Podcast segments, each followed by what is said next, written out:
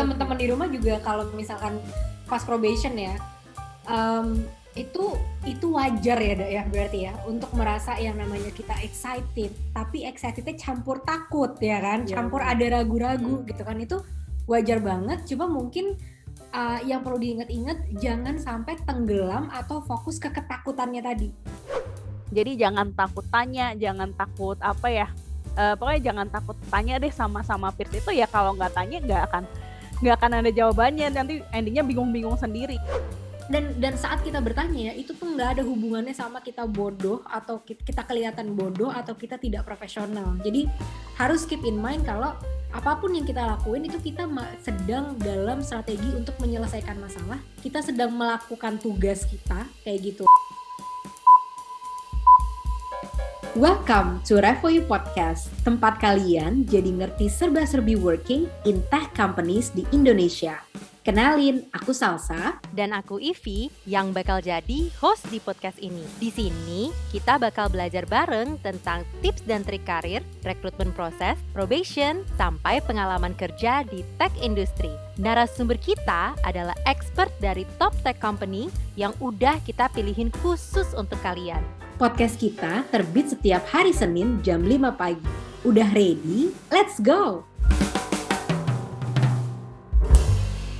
Halo semua pendengar Revoyu Podcast. Jumpa bersama aku hari ini Salsa dan Ivi.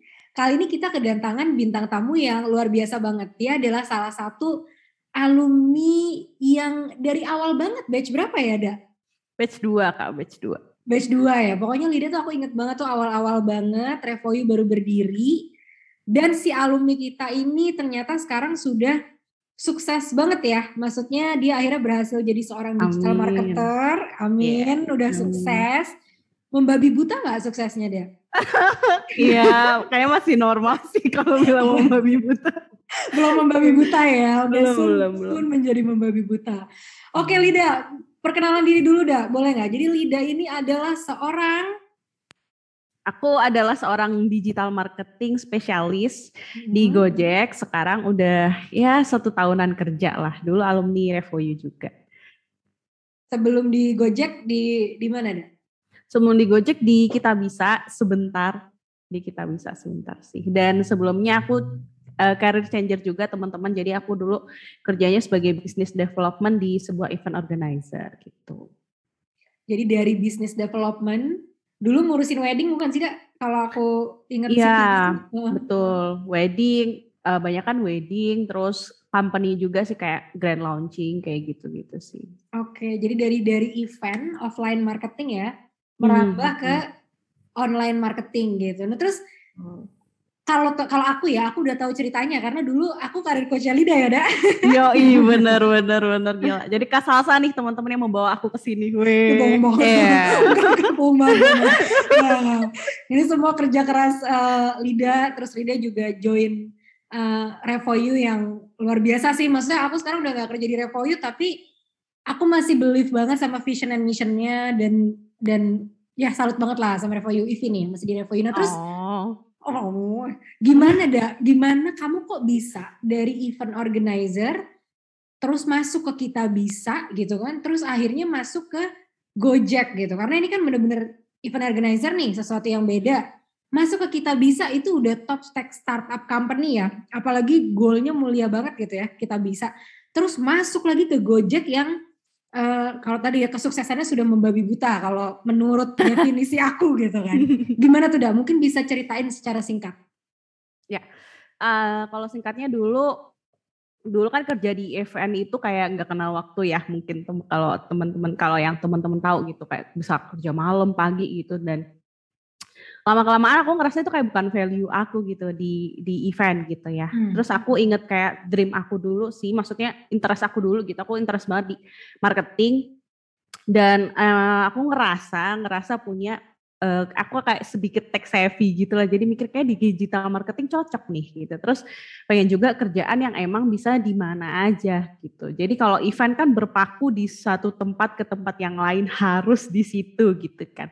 Kalau uh, digital marketing kan enggak gitu. Dan aku emang dream aku seperti itu gitu. Terus ketemulah Revoyu, aku join Revoyu, ikutan kelas, ada eh, ikutan kelas, terus ada labs, ada career support, dan sampai akhirnya eh, aku apa dapat kerja di kita bisa sih setelah itu pun ceritanya aku juga udah setelah berkali-kali ditolak di kita bisa baru dapet kita bisa yeah. dan kalau sampai di Gojek itu ceritanya pokoknya ada salah ya waktu cari kerja itu tuh aku ada sebuah effort lah ya untuk networking ke teman-teman yang lama atau networking ke orang yang baru dan hmm. salah satu yang aku networking itu adalah senior aku dulu di kampus dia kerja di Gojek gitu kan uh, kak ada lowongan? Enggak gitu lah ya. Dulu di aku inget banget di bulan Juli yang waktu zaman-zaman masih cari kerja lah ya setelah lulus dari Revoyu gitu. Dan sayangnya waktu itu kan 2020 lagi awal pandemi tuh. Lagi banyak banget yang di layoff di Gojek gitu juga. Dan di mana pun lah lagi banyak yang di layoff kan. Dan uh, senior yang bilang yang di Gojek tuh bilang ah belum ada lead gitu banyak yang di layoff gitu. Tapi uh, entah kenapa ya mungkin ya ya kekuatannya di atas juga aku juga nggak tahu. Di bulan November tuh senior aku tuh inget sama aku gitu loh kayak menghubungi aku lagi kayak Olit mau nggak join di Gojek? Kayak gitu. Terus aku ikut prosedurnya lah ya interview dan lain-lain. Alhamdulillah dapat di Gojek gitu sih. Wah berarti dulu memang waktu pas di kita bisa itu Lida sempat beberapa kali uh, apply ke role yang berbeda apa gimana tuh Lid? Role-nya yang sama Jadi okay. role sama tapi aku ketolak juga gitu loh. Luar biasa jangan mentalnya baja banget ya Lid. Aku lagi cari kerja nih sekarang. Jadi aku udah ditolak aku udah sakit hati duluan. Gitu. Iya dulu apa gitu kan. Kamu tidak iya. aku gitu. Iya dulu ya, karena sih. apa ya cari company yang menurutku aku sesuai sama value-nya gitu loh dulu dulu hmm. biasa sih anak-anak idealis gitu ya, ya kayak harus harus. Aku suka nih sama value-nya gitu kan. Hmm. Gojek juga aku suka sama value-nya jadi aku kayak kejar gitu yang beneran aku suka gitu ya yang enggak yang enggak terlalu aku suka sih mungkin enggak sampai segetol itu gitu loh yang aku suka sih aku coba getolin gitu sampai lebih dari kayak empat kali deh baru aku berhasil gitu yang di kita bisa itu wow. itu sesuatu banget loh dia sumpah aku aja nggak kuat aku aku nggak kuat. Jadi bisa kamu bisa empat kali apply baru keterima di si kita hmm. bisa ya. Tapi selama hmm. empat kali itu kamu kalau misalkan apply pasti kamu perbaikin lagi kan Lid? Maksudnya oh satu ditolak nih aku improve lagi gitu kan? Apa gimana? Betul betul betul. Jadi pas awal-awal tuh kayak biasa mungkin job seeker yang lain juga kayak gini ya apply cuman kayak pencet apply gitu. Hmm. cuman pencet apply doang tidak melakukan apa pun gitu. Itu satu dua kali aku melakukan hal yang sama ya dan itu ketolak semua gitu. Yang ketiga adalah aku mencoba approach HR-nya kan hmm. ngechat HR-nya langsung aku udah apply nih di sini bla bla dibales. Oh ya silahkan kirimkan ke email ini. Setelah hmm. itu di ghosting jadi udah di di ghosting belum berhasil. Jadi itu yang ketiga mesti di ghosting teman-teman. Hmm. yang baru yang keempat aku ngelihat kayak job postingan supervisor aku calon supervisor ya dulu. Oh ada ada lagi nih gitu dibuka lagi gitu kan. Ayo ah, ya udah aku apply lagi. Eh baru di situ kayak aku misalnya nge email hari minggu hari seninnya langsung di email lagi dibales. Oh ya tolong uh, ngerjain study case kayak gitu. Hmm. Ngerjain study case udah dikerjain baru deh dipanggil interview terus lolos gitu. Ah ini ini buat aku sendiri ini cerita yang inspiring banget Lid.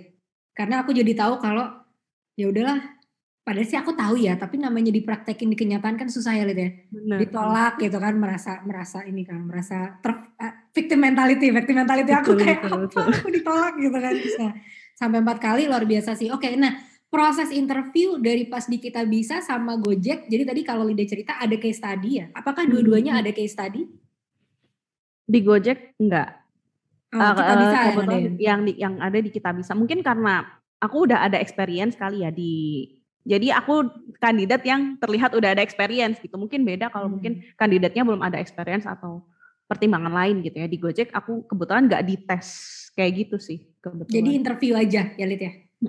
Sama siapa aja, Lid? Sama kalau jadi kalau di kita bisa, coba Lida bisa nggak kasih tahu prosesnya pertama apply mm-hmm. terus apa stepnya terus di Gojek gimana stepnya? Oke okay, oke. Okay. Kalau yang di kita bisa itu apply, apply biasa ya email, terus ngerjain study case, terus kemudian uh, dipanggil untuk langsung interview. Setelah study case interview, tapi interviewnya langsung langsung kan ya user sama HR tuh bareng.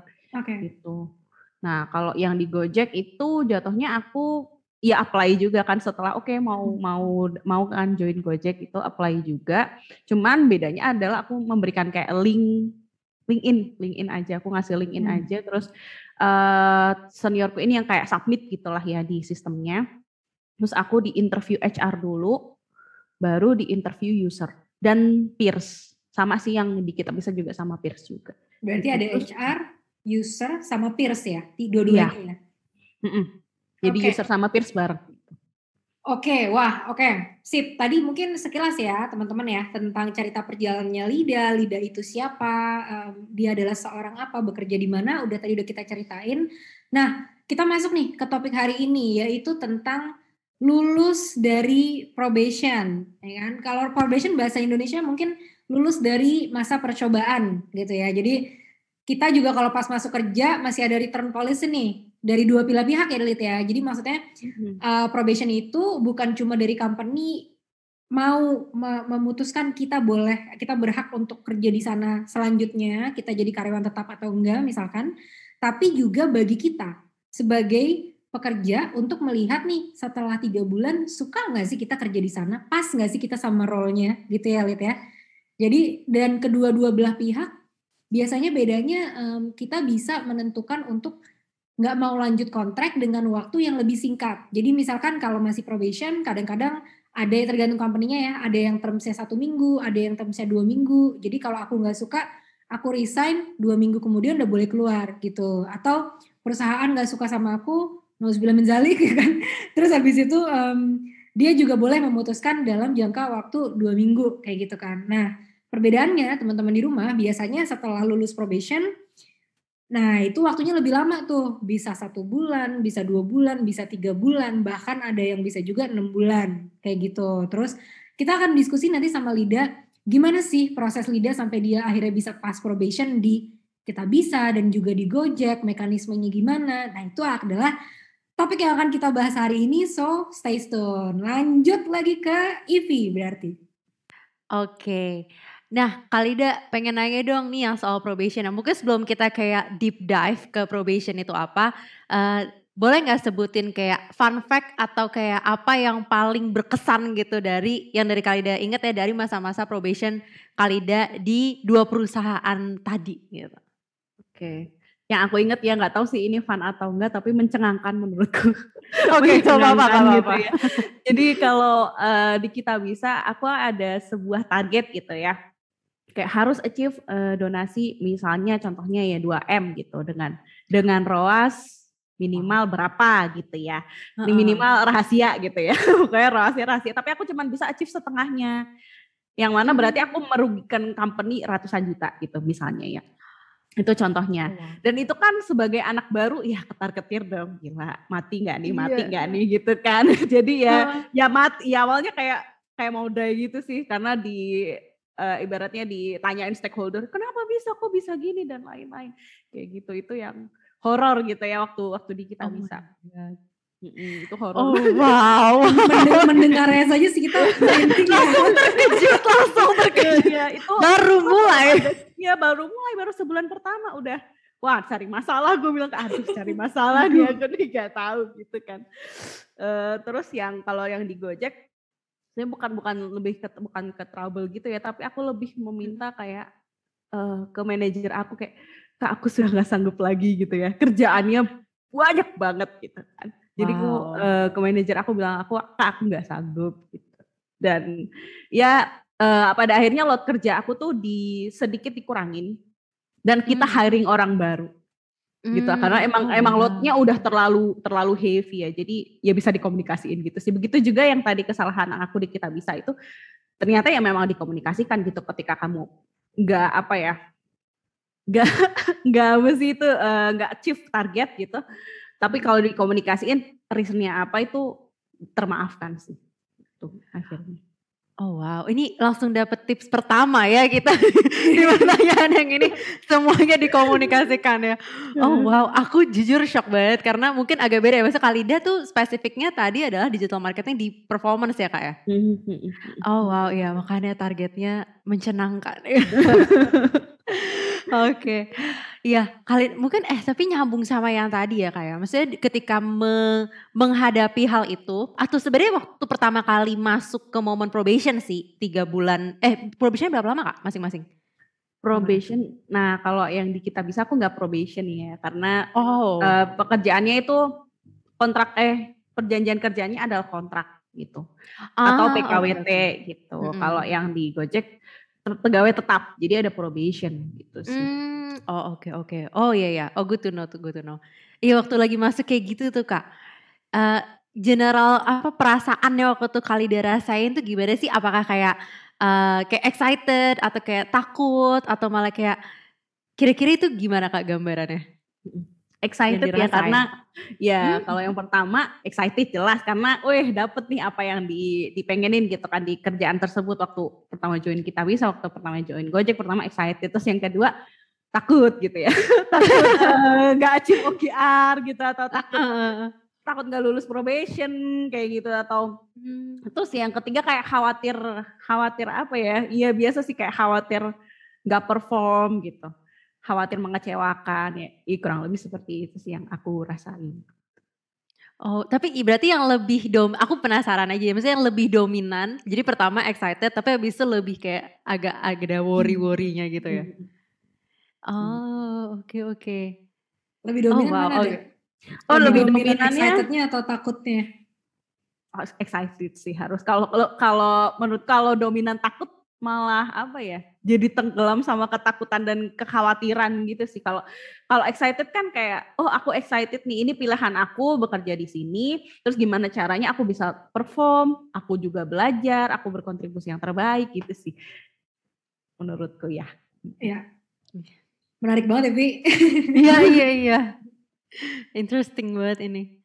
Oh, jadi teman-teman di rumah juga kalau misalkan pas probation ya um, itu itu wajar ya dok ya berarti ya untuk merasa yang namanya kita excited tapi excitednya campur takut ya kan? Ya, campur ada ragu-ragu hmm. gitu kan. Itu wajar banget cuma mungkin uh, yang perlu diingat-ingat jangan sampai tenggelam atau fokus ke ketakutannya tadi. Karena rasa takut itu teman-teman itu tuh bahaya banget gitu. Jadi sebagai manusia nih kita punya survival instinct kan. Karena kan dulu di zaman dulunya waktu kita berevolusi ya kan dari dulu tinggal di goa sampai sekarang tinggal di apartemen gitu kan dulu tuh kita memang selalu punya survival instinct yang kita harus um, waspada dengan adanya bahaya. Nah rasa takut itu tuh adalah muncul kalau misalkan kita ngelihat nih, oh itu dulu ada rumput goyang, goyang, goyang, goyang gitu kan, jangan-jangan ada singanya. Nah itu muncul rasa takut saat kita punya rasa takut itu ada dua respon yang otak kita keluarkan, flight, mau lari atau fight atau bertahan. Nah, kalau misalkan di dalam pada saat kita merasakan takut itu, kita fokus ke rasa takutnya, itu yang ada kita malah jadi satu menghancurkan percaya diri sendiri. Karena jadi kayak takut nih, waduh aku nggak bisa gitu kan, waduh nah, aku udah pasti nggak bisa, siapalah aku gitu kan. Nah mulai tuh muncul semua cerita-cerita yang mungkin malah akan ngebuat situasi jadi nggak kondusif gitu. Nah jadi kalau pas udah takut langsung pilih respon. Admit kalau misalkan ya aku takut aku khawatir. Karena wajar sih. Kan aku excited join company ini gitu kan. Aku nggak mau mengecewakan. Oke harus gimana ya gitu. Jadi diingat-ingat aja tuh kalau yang lagi lagi pada passing uh, probation gitu ya. Pentingnya untuk mengelola rasa takut. Karena takut yang berlebihan aku pernah ngerasain takut berlebihan aku akhirnya jadi malah kaku. Kayak langsung yang waduh, waduh, waduh, terus nggak bisa mikir, nggak bisa ngomong gitu, jadi lupa namaku siapa gitu. Nah itu itu bahaya gitu ya. Nah Lida tadi sempat nyebut, sempat nyebut bagus nih Ida. Jadi Lida tadi nyebut ada pegawai kontrak sama pegawai uh, tetap gitu ya Ida ya. Jadi hmm. Lida mengalami dua tipe kontrak yang berbeda nih gitu. Boleh dijelasin sedikit nggak ada? Itu kontraknya seperti seperti apa gitu kan? Dan perbedaannya tuh kayak gimana gitu kan? Dan kalau probation bedanya gimana da, di dua kontrak itu? Ya, ya, ya. Kalau secara kontraknya mungkin ada yang sama, ada yang beda gitu. Mungkin yang sama adalah masa kerja, eh yang beda adalah masa kerjanya. Uh, maksudnya perbedaan masa kerja adalah kalau kontrak ditentukan nih udah di awal pokoknya selesai satu tahun atau dua tahun itu kontrak. Nah kalau pegawai tetap nggak ada selesainya, ya nggak ada. Kamu selesai kapan gitu nggak ada karena pegawai tetap full time gitu. Nah, terus kalau kalau probationnya yang kontrak nggak probation karena udah ditentukan um, masa berakhirnya gitu ya. Kalau yang full time karena seumur hidup kali ya di di kontraknya itu kan seumur hidup berarti harus ada masa percobaannya karena ya itu tadi company company cocok nggak sama kita begitu pula dengan kita cocok nggak sama company. Jadi ada masa probation. Berarti hmm. kalau pas pegawai kontrak ya, misalkan itu um, kontraknya satu tahun gitu ya dia. Hmm, hmm. Nah terus itu tetap di situ jadi nggak ada probation tapi ada ini ya ada clause pemutusan kontrak ya dalam artian kalau mau putusan kontrak bisa gimana caranya dalam jangka waktu berapa lama atau gimana tuh deh?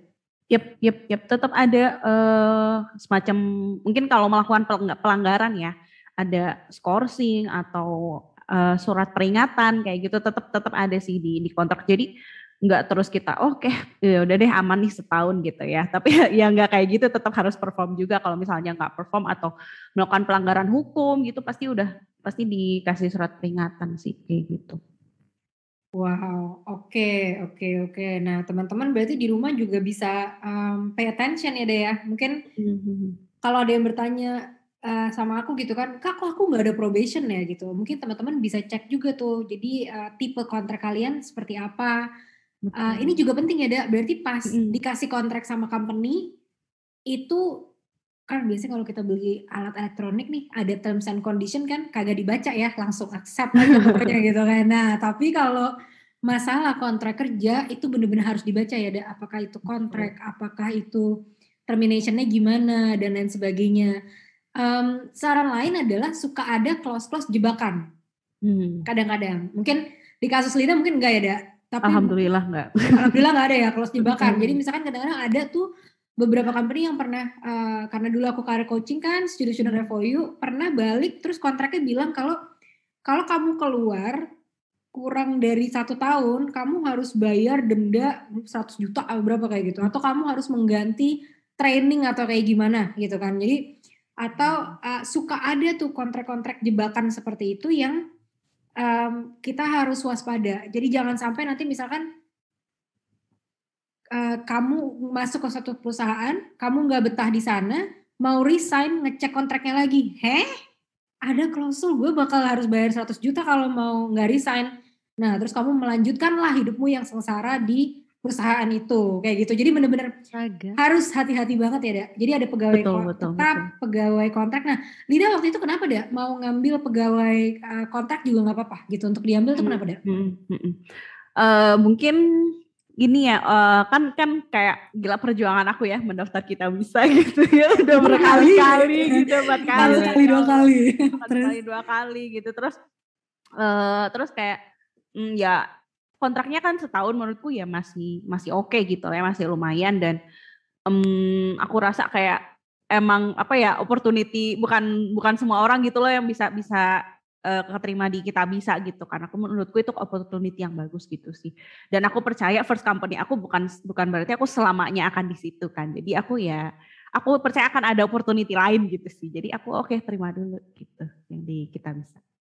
Ya jadi pokoknya kalau kita nanti performance-nya bagus mah pokoknya bargaining position kita sebagai karyawan tuh adalah performance. Betul. Kalau performance kita nanti bagus ya, Dak, mau di panjang kontrak kah, mau cari yang lain kah gitu juga itu sesuatu yang common ya di tech industry sebenarnya untuk dapat kontrak terus nanti di change jadi jadi um, apa namanya jadi jadi jadi full time atau segala ah, sorry dari kontrak di change jadi permanen atau segala macam hmm. itu sesuatu yang common common aja di tech industry. Jadi nggak usah terlalu worried sebenarnya ya ya antara kontrak kah atau permanen kah gitu ya? Betul betul. Oke. Masuk Vi. Silakan Vi. Ada pertanyaan dari Vi. Iya. Eh ngomong-ngomong dari tadi tuh aku belajar banyak. Aku juga soalnya baru nggak bahwa oh ternyata ada gini gini gini gini gini. Asik nih. Mungkin aku mewakili teman-teman yang baru denger juga kali ya di sini. Jadinya baru kayak oh ternyata ada macam-macam Oke, kalau nah kalau pertanyaan dari aku nih kalau lanjut lagi ya, mungkin agak agak nyambung sama yang tadi gitu kayak uh, tadi kan emosinya aku setuju banget sih bahwa benar bahwa kayak kita nggak boleh apa ya membiarkan kita dikuasai sama kayak emosi yang takut atau nervous yang gitu-gitu. Nah tapi kalau misalnya dipikir-pikir lagi waktu itu apa apa sih kak mesti yang penyebab apa namanya penyebab ada emosi-emosi misalnya fear uh, atau yang uh, nervous tadi gitu di Kalida. Ketika waktu di probation ini. Oke. Okay. Nervousnya ya karena uh, pasti kalau baru pertama kali masuk tuh mm, banyak banget hal yang dipelajarin gitu ya. Bukan cuma kan hmm. kan apalagi aku anak digital marketing baru nih, kayak anak baru kan, baru belajar, baru belajar, baru masuk company yang bisa dibilang gede gitu kan, organisasinya beda, terus uh, banyak administrasi-administrasi yang aku nggak tahu gitu, walaupun digital marketing tetap ada admin-admin yang aku nggak tahu gitu lah ya, yang istilahnya bahasa teknis, bahasa internal perusahaan gitu yang perlu aku pelajarin hmm. gitu, terus stakeholdernya juga uh, aku baru kenal gitu kan, baru kenal, hmm. perlu pelajarin karakternya juga, aku harus uh, bersikap seperti apa ke mereka gitu, terus apa ya banyak uh, istilahnya mungkin best practice best practice yang nggak aku ketahui gitu loh di, hmm. di setiap company. Jadi itu ada ada ketakutan sendiri, belum lagi OKR yang harus di achieve kayak gitu itu kan ya worry ya takut gitu. Tapi ya again itu harus diselesaikan gitu ya, nggak mungkin terus aku melarikan diri gitu dengan rasa-rasa tersebut.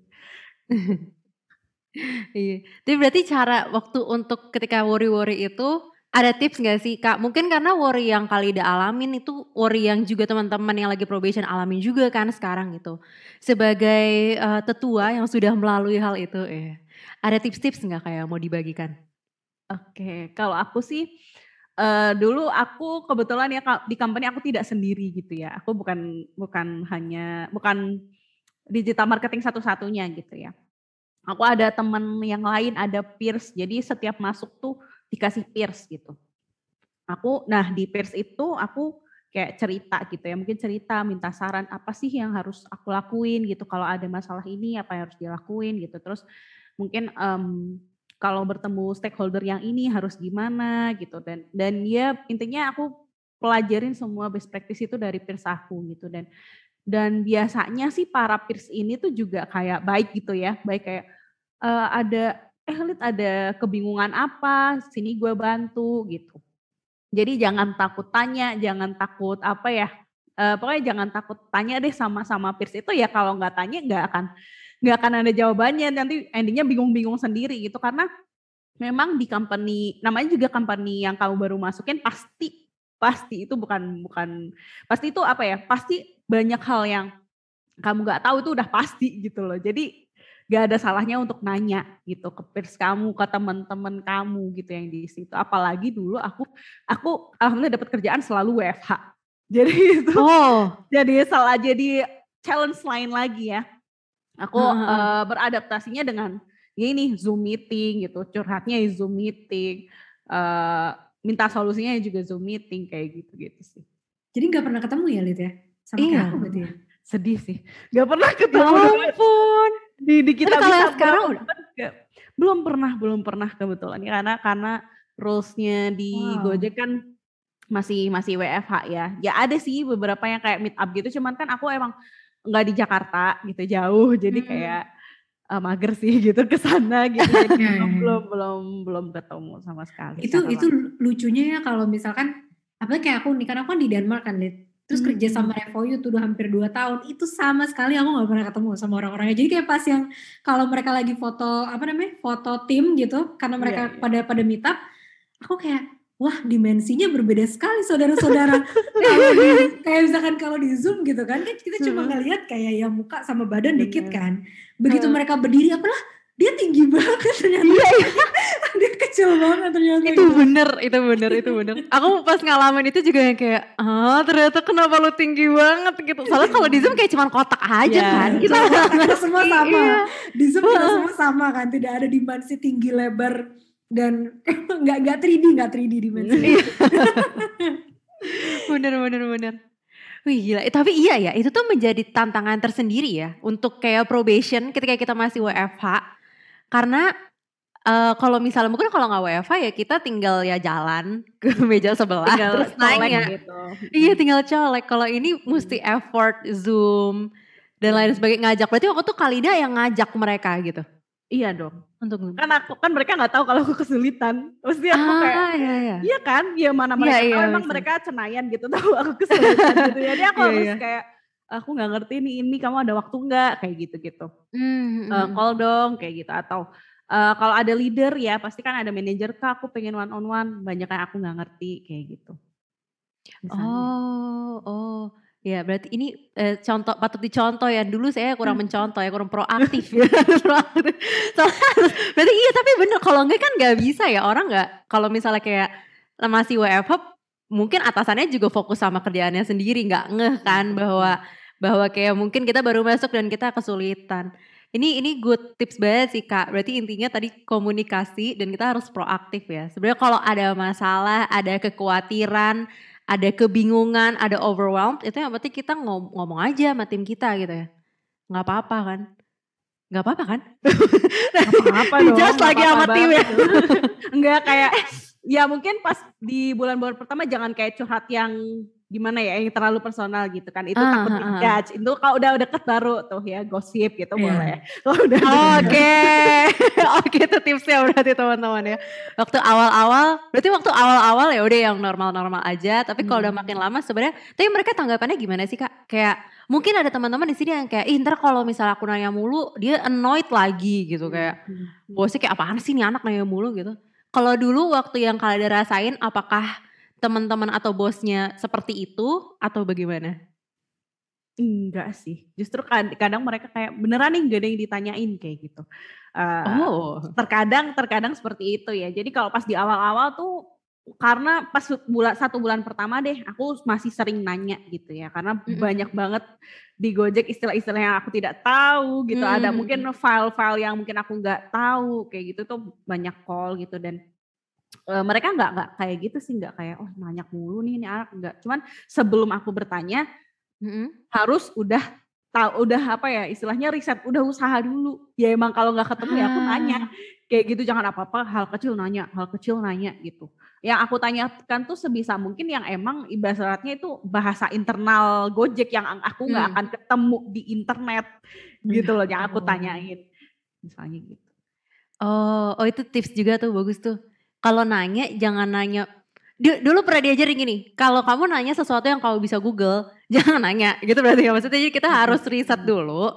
Baru kalau misalnya emang kayak ini udah nggak ada jawabannya, baru kita nanya ya kayak ask smart ter question lah gitu mungkin ya istilahnya. Oh, supaya itu tips supaya tidak dianggap annoying kayak ini anak baru nanya tapi nanya mutu nih jadi nggak apa-apa yeah, lah gitu kali ya. Oke oke.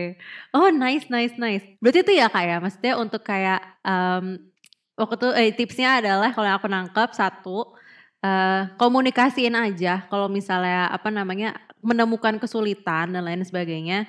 Um, kedua proaktif ya kan? Jadi kayak karena terutama mungkin tips yang buat teman-teman yang WFH ya karena kita nggak bisa selalu ngarepin bahwa atasannya akan selalu kayak nanyain ke kita kamu udah sampai mana? dan lain sebagainya karena emang lebih sulit untuk kayak gitu pasti WFH jadi kalau misalnya kita merasa uh, apa namanya butuh dibimbing di kasus-kasus lebih ya udah nggak apa-apa kita yang reach out ke mereka kita yang nanya ke mereka gitu tapi sebelum nanya ya kita harus melakukan riset dulu gitu. Jadi jangan yang sedikit-sedikit pertanyaannya sebenarnya ada jawabannya tapi kita tanya aja biar caper juga jangan gitu istilahnya. Jadi harus pinter-pinter ketika kita nanya. Tapi nggak apa-apa kalau nggak nggak perlu takut karena memang komunikasi adalah key untuk me, meluruskan semua kekhawatiran atau semua kebingungan yang kita hadapin ketika pertama-tama masuk ke suatu perusahaan. Betul? Ya luar biasa Iya, iya betul betul betul. Lessons learned. Ini juga mungkin uh, buat teman-teman di rumah ya, ini sesuatu yang aku pelajarin di karirku sih. Selama mungkin udah berapa ya, tujuh tahun aku kerja di tech industry gitu kan. Um, kadang kita tuh takut ya untuk bertanya atau takut untuk kelihatan bodoh. Jadi aku tuh nggak tahu kenapa. Aku punya perspektif dalam otakku yang kalau aku nanya tuh berarti aku kelihatan bodoh kalau aku kelihatan bodoh, berarti aku tuh nggak capable atau aku nggak profesional gitu. Jadi dulu tuh aku inget banget ya, aku suka punya mindset seperti itu gitu. Jadi kalau misalkan dikasih tugas, wah mau kepala jadi kaki, kaki jadi kepala gitu kan, mau tangan jadi kuping, kuping jadi hidung apa segala macam tuh bener-bener yang aku coba untuk selesaiin sendiri gitu dari ujung ke ujung. Susahnya kayak apa itu aku coba selesaiin sendiri. Dan mungkin aku sampai kayak nggak tidur atau sampai weekend tuh pasti aku kerja. Karena saking pengennya kerjaan kita tuh bagus. Pengennya kita tuh hmm. bagus gitu. Nah tapi over the time setelah aku semakin kerja semakin lama dan segala macam aku belajar kalau itu sebenarnya dodol juga ya gue kayak gitu gitu. Kenapa? Karena um, kita tuh harus selalu mikir gimana sih cara kita biar semakin bisa efisien dalam menyelesaikan masalah sebenarnya jadi hmm. waktu probation juga itu juga bisa dicamkan gitu teman-teman. Jadi gimana ya cara paling efisien aku bisa menyelesaikan masalah ini? Misalkan um, kak aku butuh nggak tahu misalkan akses ke Google Tag Manager aku mau masukin alat tracking apa gitu kan misalkan kan nah um, kalau misalkan kita ngerasa ini kalau gue gue cari dan gue kutak kutik sendiri kira-kira butuh waktu berapa lama ya? Kalau misalkan gue tanya kira-kira butuh waktu berapa lama ya? Kayak gitu. Nah mungkin bisa kita baca di internet. Oke okay, 5 menit dadak pikir aja kira-kira gue bingung banget ya? Ini gue butuh tiga jam atau lima jam kayak kira-kira kalau ngerjain ini gitu. Nah kalau misalkan kita ngerasa wah ini kalau gue pelajarin ini bisa seharian gue ngerjain ini doang yang lain bisa nggak bisa nggak kekerjain. Nah di situ kita harus ambil decision untuk oke okay, biar aku tanya gitu. Karena kadang-kadang um, ternyata gitu ya misalkan pada saat nanya aku pernah ngerjain apa gitu terus aku nanya hmm. oh itu mah tanggung jawabnya orang yang itu sa. Lah ngapain gue dari kemarin ngerjain sampai mau jadi gila gitu kan? Maksudnya kadang-kadang tuh saking independennya kita bisa jatuh ke trap kayak gitu gitu. Jadi oh. um, dan dan saat kita bertanya ya itu tuh nggak ada hubungannya sama kita bodoh atau kita kelihatan bodoh atau kita tidak profesional. Jadi harus keep in mind kalau apa pun yang kita lakuin itu kita sedang dalam strategi untuk menyelesaikan masalah. Kita sedang melakukan tugas kita kayak gitu. Dan bertanya itu bukan berarti bodoh malah justru kita berarti peduli kan. Kalau ada orang ngomong kita iya iya aja tapi kita nggak ngerti sebenarnya gitu kan.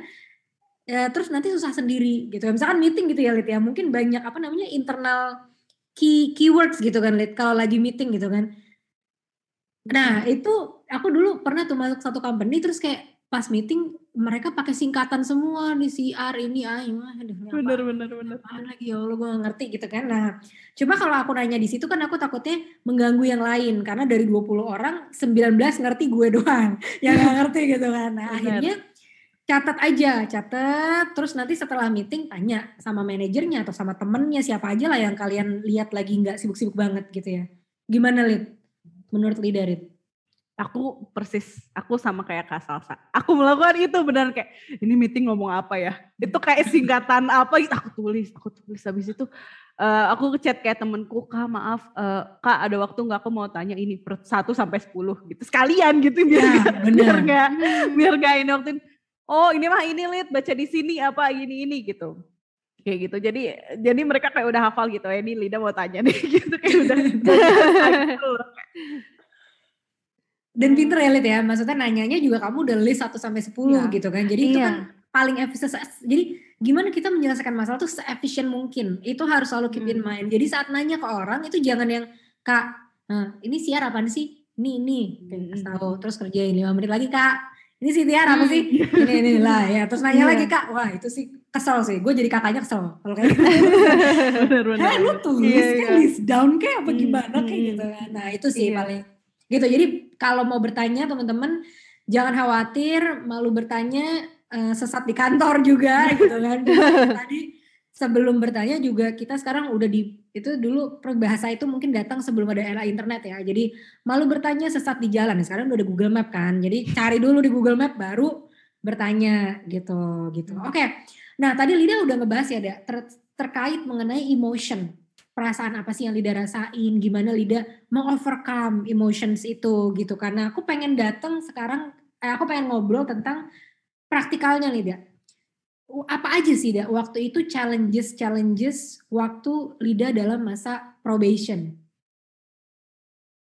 Challenge-nya, hmm, tadi uh, mungkin ya itu sih banyak apa ya bahasa-bahasa internal terus uh, aku mempelajari hal baru ya. Hal barunya tuh bukan cuma job desk gitu ya. Job desk terus teman baru, manajer baru gitu kan.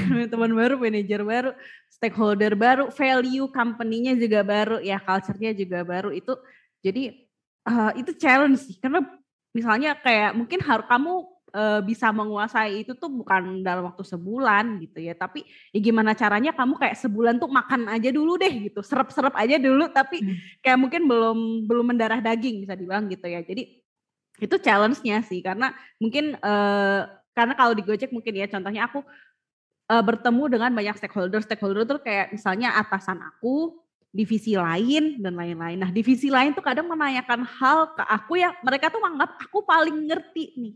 Padahal aku anak baru gitu loh. Hmm. Aku anak baru. Jadi itu itu jadi challenge juga sih gimana caranya aku bisa mendeliver dengan baik padahal aku masih anak baru. Kayak gitu itu hmm. tuh challenge gitu dan aku perlu juga belajar ke peers aku. Terus juga uh, challenge lain mungkin pas kan aku dulu career changer ya kan takut gitu kayak aku merasa skill aku belum sehebat teman-teman yang lain itu juga challenge juga. Dan again uh, teman kerjaku alhamdulillah baik semua gitu ya ketika aku nggak ngerti hal teknis ketika aku merasa tak sangat tertinggal gitu ya sebagai seorang digital marketer aku kayak one on one dong aku nggak ngerti nih hal teknis ini gitu. Karena uh, digital marketing di kita bisa sama di Gojek beda banget. Kayak gitu beda hmm. bisnis beda objektif uh, beda stakeholder. Tuh itu beda deh. Jadi aku kayak perlu sering sih aku one on one kayak gitu. Aku nggak ngerti hal ini nggak ngerti hal itu kayak gitu. Uh, misalnya dulu misalnya ini kalau digital marketing kalian yang tahu pasti ada channel-channel macam Facebook dan lain-lain gitu. Ketika di Gojek aku belajar channel baru nih programatik yang pun makanan apa itu itu. Dan itu tuh kayak harus apa ya beneran belajarnya tuh sama yang expert gitu loh untuk yeah. untuk yang programatik ini kayak gitu sih misalnya. Berarti dari berarti ini ya, da, intinya tuh challenges-nya tuh adalah adaptasi tadi tuh ya. Jadi dari mulai adaptasi role-nya gitu kan stakeholder stakeholder juga kan kita harus navigate di organization structure dari company-nya kan. Jadi kayak benar. Oh, ini bagiannya ke mana nih? Oh, kalau ini ke mana gitu kan kalau oh iya. kemarin kalau di company kemarin ini ke sini. Loh, ini beda lagi hmm. orangnya ternyata gitu kan. Kayak jadi bener-bener yang navigating uh, stakeholder tuh berarti kita harus tahu nih organisasi strukturnya seperti apa, ini tuh dalam lingkupnya siapa, ya kan? Desain itu dalam lingkupnya siapa, hmm, hmm. kalau branding dalam lingkupnya siapa gitu kan, terus mungkin kalau channel-channel dalam lingkupnya siapa, kayak gitu ya deh. Nah, Lida tadi sempat nyebut tentang culture nih. Hmm. Uh, kayak apa sih deh? Kayak kayak gini saat kita ngomong culture deh, itu kadang tuh uh, di dalam abstrak ya? tuh abstrak gitu kan. Nah, hmm. coba contohnya seperti apa sih? Kalau culture yang berbeda yang Lida harus adapt tuh kayak gimana deh? Hmm, hmm. Sebenarnya untungnya kalau startup tuh cukup agak agak sama kali ya. Mungkin uh, culture dalam hal kita casual gitu ya di kerjaan casual. tuh casual nggak yang oh iya pak gitu kayak nggak kayak kayak gitu, gitu kan. ya permisi pak gitu mohon izin nggak pakai emot emot oh, gitu kan emot kayak gitu gitu banget sih kalau yang di startup ya cukup casual dan sama manajer tuh kayak masih teman gitu mungkin beda kalau tiba-tiba ketemu CEO itu langsung kayak ya mungkin Aku, emot ya. itu keluar gitu ya tapi, uh, tapi ya ya itunya uh, casual sih kalau yang di startup yang aku rasakan tuh casual gitu terus culture-nya mungkin ada beberapa kalau di kita bisa aku kayak kurang terlalu ibaratnya kurang terlalu ditanemin gitu ya si culture-nya. Hmm. Cuman yang aku tangkap kalau di kita bisa tuh kita fearless gitu. Jadi hmm. ya kamu walaupun uh, bawahan gitu ya fearless dalam artian ya kamu berani mengemukakan pendapat kamu gitu ya bukan kurang ajar ya fearlessnya bukan kurang ajar tapi kayak yeah. berani mengemukakan pendapat kalau oh uh, ini baiknya seperti ini dan lain-lain kayak gitu. Di Gojek juga ada hal yang sama ya be fearless gitu. Terus uh, culture cultural value value yang lain kayak kolaboratif terus um, uh, apa ya terus speaking with data gitu be a data scientist terus uh, banyak deh kayak value jadi sebelum masuk ke Gojek atau sebelum masuk ke kita bisa tuh kayak ada hari pertama yang kayak eh ini loh value company Hmm. gitu. Jadi ini yang yang aku perhatiin gitu ya di value company itu apa dan aku berusaha menerapkan hal tersebut di keseharian gitu ya.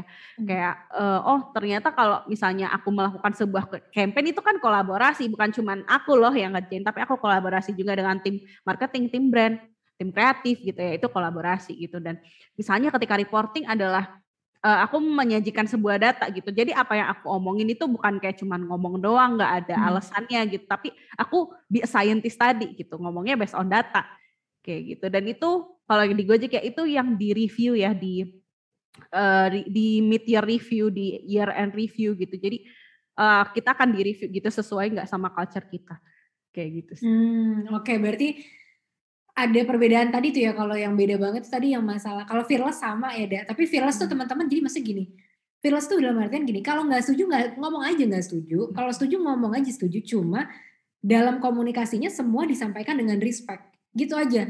Kayak kayak sebenarnya cuma kayak gitu doang gitu moralnya gitu ya. Misalkan kepada manajer nih, misalkan manajer aku gitu ya bilang, eh Salsa lo kerjaan ini ya selesai besok gitu kan. Nah, misalkan aku emosi gitu kan. Ya kalau aku fearless, aku akan bilang ke manajer aku kalau eh um, oh oke okay, oke. Okay. eh sorry tapi gue kayaknya nggak bisa deh kalau besok. Soalnya gue tuh ada harus prioritas ini. Atau kalau mau misalkan gitu ya kalau mau gue bisa ngerjain ini tapi yang prioritas ini sama ini ini boleh nggak gue pindahin ke besok? Nah itu fearless yang ya lo nggak setuju lo kesel kalau itu di, di, di ya nggak apa-apa. Cuma ngomongnya respect dan ngomongnya dengan solution kayak gitu kan. Nah fearless yang nggak boleh. Contohnya bos gue ngasih tugas terus gue apa gitu kan. Terus terus misalkan gue bilang uh, ke dia gitu kan nggak bisa gue kayak gitu kan lu tuh ngasih ngasih tugas last minute banget kayak gini gini gini gini gini misalkan kayak gitu kan lu kerjain aja sendiri kalau mau gue udah muak hmm. dengan nah itu nah. nggak ini nggak apa namanya nggak hmm. fearlessnya nggak tepat gitu ya, jadi betul. enaknya teman-teman kerja di work uh, apa ya tech industry itu um, mungkin kalau tadi yang Lida bilang yang pernah aku alamin juga emang rata-rata karena gap umurnya nggak jauh itu tuh mempengaruhi banget cara kita komunikasi atau sama lain gitu. Jadi B aja mau ngomong apa sampaikan aja. Yang penting kita ngomongnya dengan respect. Karena kita berusaha memahami situasinya dia. Mungkin bosnya juga dapat instruksi dari atasannya lagi gitu. Jadi banyak hal yang bukan orang itu sebenarnya yang mau tapi dia harus menyampaikan. Makanya kita tuh kolaborasinya dengan respect aja gitu ya Dea. Jadi oh, betul. dan kalau kesel itu tuh nggak usah dipendem-pendem. Kalau kerja di tech industry kalau nggak bisa kak aku nggak bisa atau ini atau apa gitu kan itu dibilangin aja dan tadi backup with data ya Iya. Nah itu aku suka banget sih dengan dengan backup data itu. Jadi misalkan kalian ngerasa gue nggak bisa nih ngerjain semuanya gitu. Aku kan sering dicurhatin ya, da. Jadi dari karir coach terus tetap berlanjut jadi jadi life coach gitu kan seumur hidup. saya pada curhat gitu kan. Kak masa bos gue kayak gini gini gini gini gini gini gini gini gini gitu kan. Terus aku kadang-kadang kayak ya sometimes bos lo tuh nggak tahu kalau saat lo harus ngerjain satu task itu tuh butuh waktu berapa lama. Jadi kalau misalkan lo ngerasa lagi probation gini ya, lagi-lagi dalam konteks probation, lo ngerasa, duh gue cuma bisa ngerjain tiga nih hari ini, karena ini aja udah 8 jam sendiri, ini aja nih gue udah bisa 10 jam nih kerjanya, tapi lo ngasih tugas gue 7. Itu sesuatu yang ya udah sampaikan aja dengan respect gitu ya teman-teman. Jadi tadi Lida bilang tuh challenge-nya dari mulai adaptasi, ya ada banyak apa ada value-value company yang baru juga gitu kan. Terus tadi ada ketakutan sebagai karir changer mengenai skill digital marketing. Nah ini aku tertarik banget, dak. Kayak apa contohnya gitu? Kayak apa contohnya, praktikalnya gitu? Um, ya kan dulu background aku bisnis development ya, bukan bukan digital marketing yang bisa dibilang cukup teknis gitu ya. Dan perbedaan mungkin di kita bisa sama di Gojek adalah channel yang dikerjain gitu. Kalau di di kita bisa aku ngerjain Facebook yang mana dipelajarin juga di Revoyu gitu. Mungkin bedanya hmm. adalah di OKR-nya gitu lah ya di OKR-nya yang mana aku juga itu aku lumayan cepet sih untuk untuk belajarnya gitu di di kita bisa karena one channel aja satu channel aja jadi cukup cepat. Nah bedanya sama di Gojek adalah uh, aku belajar nih yang namanya media planning gitu. Ketika di kita bisa aku nggak belajar hal tersebut. Aku nggak ngerti itu makanan apa tuh media planning, media planning, gitu, media planning dan um, itu itu yang harus istilahnya harus aku buat dan harus aku sampaikan ke stakeholder itu kayak pertanggungjawaban aku gitu loh proposal pertama aku ke stakeholder tuh itu dan itu yang aku tanggung aku pertanggungjawabkan ke mereka kalau resultnya nggak segitu ya itu aku kasih reasoningnya nah itu aku nggak belajar sama sekali ya. Dulu di kerjaan sebelumnya juga nggak nggak belajar hal, hal tersebut ya. Yang itu harus yang mana aku harus aku pelajarin gitu untuk planning dan sebagainya. Terus channelnya juga di Gojek ada macem-macem. Ada Twitter TikTok Google gitu YouTube gitu yang aku wow banyak ya, banget ya. ya banyak banget. segala channel gitu kan. Jadi aku oh. harus itu harus catch up banget sih untuk mempelajari hal tersebut gitu kan. Dan bedanya lagi di kita bisa sama di um, di Go, di Gojek kali ya. Kalau di kita bisa aku lebih sering sama orang-orang kreatif gitu ya, uh, ngebrief orang kreatif gitu dan kalau di di Gojek enggak, yang ngebrief orang kreatif tuh bukan aku gitu, ada hmm. ada tim marketing. Jadi emang tim marketingnya kalau aku digital ya pure digital. Jadi ininya performance performance dan mereportkan performance ke mereka. Gitu. Jadi hmm. uh, beda gitu loh dan dan apa ya? Ya itu tadi yang terutama yang channel sih. Yang aku dulu nggak belajar, tiba-tiba belajar Ya, dan itu susah harus sih. harus Ya. banyak gitu. Ya, Terus ya. harus choosing the right channel gitu. Kalau sebagai digital marketer kan harus itu yang utama sih. Kamu harus tahu channel mana yang terbaik sesuai dengan bisnis objektif. Nah itu yang aku perlu belajar banget nih gitu di Ya. di yang karir yang baru gitu sih. Nah, itu berarti menarik banget ya, Dea. Jadi eh, buat teman-teman gitu kan yang lagi probation, memang setiap company itu beda tuh. Kayak tadi Lida bilang kan, em, strukturnya beda. Jadi ada yang kalau oh kalau digital tuh part of marketing, jadi aku reportnya ke marketing. Kalau waktu di kita bisa ya Lida yang akan nge-brief creative team gitu kan. Jadi cara kerjanya beda, terus channelnya ya. Jadi tadinya dari social media ads, Facebook gitu kan, berganti menjadi ke ada TikTok, ada Google, ada macam-macam gitu ya. Nah itu harus dipelajarin lagi.